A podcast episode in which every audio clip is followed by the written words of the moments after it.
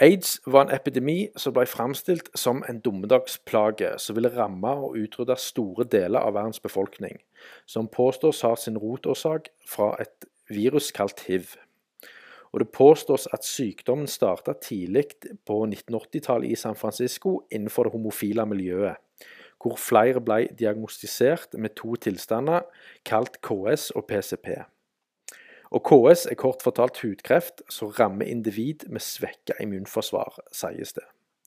Mens PCP er lungebetennelse, så det sies skyldes en protozo. Eller rettere sagt, nå sies det at det er en sopp som er årsaken til PCP. Og på samme måte som med KS, så rammes individ med svekka immunforsvar. Men det som er viktig å forstå her, det er at begge disse to tilstandene på ingen måte var nye sykdommer, og er ikke engang påstått at er forårsaket av et virus, som da aids er. Men allikevel så ble disse to tilstandene definert som sykdommen aids. Så hvis en tar sykdommen PCP som et eksempel, så var det sånn at eh, i bl.a. homofile miljø på denne tida, så var det mye brukt et virkestoff kalt eh, poppers. Og antibiotika ble også særdeles mye brukt i kombinasjon med poppers. Og Poppers det er et rusmiddel som kort sagt kan inhaleres og gir en avslappende effekt på glatt muskulatur, altså endetarmen da i dette tilfellet. Og Siden poppers er en samlebetegnelse på flere ulike alkylnitritter, altså salter, så finnes det typer av disse som er kreftframkallende, som isobutylnitritt, vel å merke. Så misbruk og eksponering over tid forårsaker irritabilitet i lungevev, som arter seg som lungebetennelse, altså definert som sykdommen PCP. Og Antibiotikaen ble derimot brukt som et preparat for å begrense eventuelle bakteriedannelser fra å forekomme i tida etter de seksuelle omstendighetene, i den tro om at antibiotikaen hindrer sykdom. Og Dette er et tema jeg har tatt opp i en tidligere sjappis, så jeg ikke går mer eh, utdypende inn på i denne forbindelse. Så siden lungebetennelsen PCP var definert som aids, så kan du jo si at eh, ja, aids det, den sykdommen den rammer det homofile miljøet kraftig, men kun på bakgrunn av en reklassifisering av en allerede definert sykdom, som i dette tilfellet var PCP. Som ikke i det hele tatt har rotårsak fra et såkalt virus. Og Ei annen gruppe som òg var utsatt, var rusmisbrukerne. Men et annet godt eksempel på endring av eksisterende sykdom til å bli definert som aids, tross da ingen eh, viruspåvisning, det er slim disease.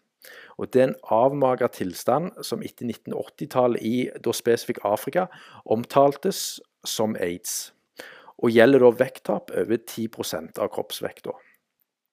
Men asteni og kronisk feber, diaré samt seks andre tilstander, som bl.a. kronisk hoste, dras òg med ned i dragsuget og omtales som aids i Afrika. Og Grunnen til dette lar seg gjøre, det er at diagnostiseringa i Afrika hovedsakelig baseres på symptomer. Og For å si det sånn I Afrika og u-land generelt, så opplever de sykdommer nettopp pga. fattigdom og underernæring, sanitet, ureint vann og miljøforurensninger fra kjemikalier, ikke fra et virus. F.eks. kjemikalier som er utestengt eller utdatert, doneres som hjelp til u-land. Og På denne måten så unngår selskap dyre kostnader ved avfallshåndtering. Og Eksempler på disse kjemikaliene er bl.a. klorerte hydrokarboner og organofosfater. Og den offisielle pressekonferansen som ble holdt om sykdommen aids, som skulle konstatere for verden hva rotårsaken var, hadde ingen forskning publisert i såkalte peer-reviewed journaler, for ikke å snakke om en identifisering og per definisjon isolering av viruset kalt hiv. Og Sistnevnte stemmer ikke den dag i dag, tross over 30 år med forskning, og med et forbruk på flere hundre billioner amerikanske dollar. Så hør eventuelt Kjappesand om virus for å få en bedre forståelse for dette. Og Det sies òg at eh, eller rettere sagt, et av de største studiene som har blitt gjort på aids, det, det henviser til at hiv-viruset ikke engang er en STD, altså en seksuelt overførbar sykdom. Samtidig så påvises jo òg aids ved antistofftest og PCP-test. Som jeg tidligere har vært inne på, som er fullstendig misvisende fremgangsmetoder som blir eh, feilaktige. F.eks. immunoglobulin, altså antistoff, som skal være spesifikk for sykdommen aids, eh, kalt P24 og P41, som da påvises ved en antistofftest, er jo ikke engang spesifikk for sykdommen aids. Det eksisterer over 60 og sikkert enda mer uavhengige tilstander som kan gi falsk positiv test ved bruk av antistofftest. Og i forbindelse med hiv er graviditet en av de. Og Wassermann-testen i forbindelse med sykdommen syfilis, som jeg òg har vært inne på tidligere, det er et annet prakteksempel. Og Når det kommer til behandling av hiv og aids, så, beskri, så skrives det da spesifikt ut medisinske preparat kalt antiretrovirale medisiner. Som da skal lindre spredningen av viruset kalt hiv. Og acidotymidin er et av disse virkestoffene som tilbys. Som da på 1960-tallet i utgangspunktet var tenkt som medisin ved leukemi, altså blodkreft, siden det dreper hvite blodlegemer. Men, men såkalte animalske eksperiment påviste at det ikke ga en økt livslengde hos dyret som ble utsatt. Derimot så ga det veldig kraftige bivirk bivirkninger og ble da trukket, altså stoppa. Men acidotymidin det brukes allikevel mot hiv og aids, men er kraftige kost for kroppen. Og rundt 1980- og 1990-tallet så var doseringa høyere enn den er i dag. Og selvfølgelig da òg med mer alvorlige bivirkninger.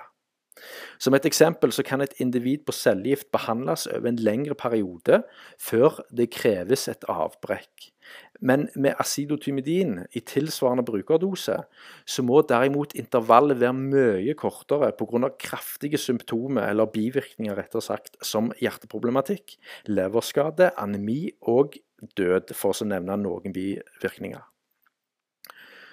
Og I 2017 så var det rundt 21,7 millioner brukere av antiretrovirale medisiner. Og det har hos flere av disse brukerne forekommet et nytt sykdomsforløp, eller forverring av eksisterende aids-sykdom, pga. bruk av antiretrovirale medisiner. Og tilstanden den defineres som iris, som utrolig nok moderne medisin ikke forstår hvorfor eh, framkommer i det hele tatt. Og acidotymidin det går òg under et annet navn, da som sidovudin og gis gravide med påvisning av hiv. Og behandling av nyfødt med sidovedyn det er en normal praksis, skremmende nok. Kort sagt så er faktisk aids et resultat av oksidativt stress, der frie radikale skader celler og vev i kroppen. Og hvor skaden arter seg, blir definert som ulike sykdommer. For det har seg sånn at det, det er en konstant dannelse av prooksidante og antioksidanter i organismer som nyttiggjør seg av oksygen. Men det er kun når immunforsvaret er satt ut av spill at eksessiv produksjon av prooksidanter kontra antioksidantene kan forekomme, som da vil si oksidativt stress med frie radikaler. Og Disse frie radikalene kan òg komme fra eksterne kilder, som kjemikalier fra miljøgifter og legemidler, forurensa luft og vann, samt ioniserende og faktisk ikke-ioniserende stråling, noe jeg òg har vært inne på tidligere.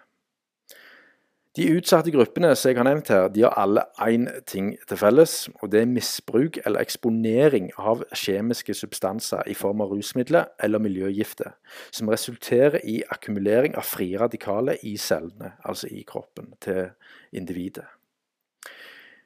I kombinasjon med da misvisende og feilaktige påvisning for sykdomsårsaken aids, samt utgangspunkt i en særdeles lav kunnskap og forståelse for immunforsvaret generelt, er grunnen til at f.eks. gravide og til og med spedbarn puttes på ren gift. I god tro om at dette utbedrer og begrenser en spredning av et såkalt virus. Altså Det som defineres som et virus, observeres gjennom elektronmikroskop, det er et mikrovirum som i mikrobiom, men i mindre skala. Og forårsaker ikke sykdom, tvert imot.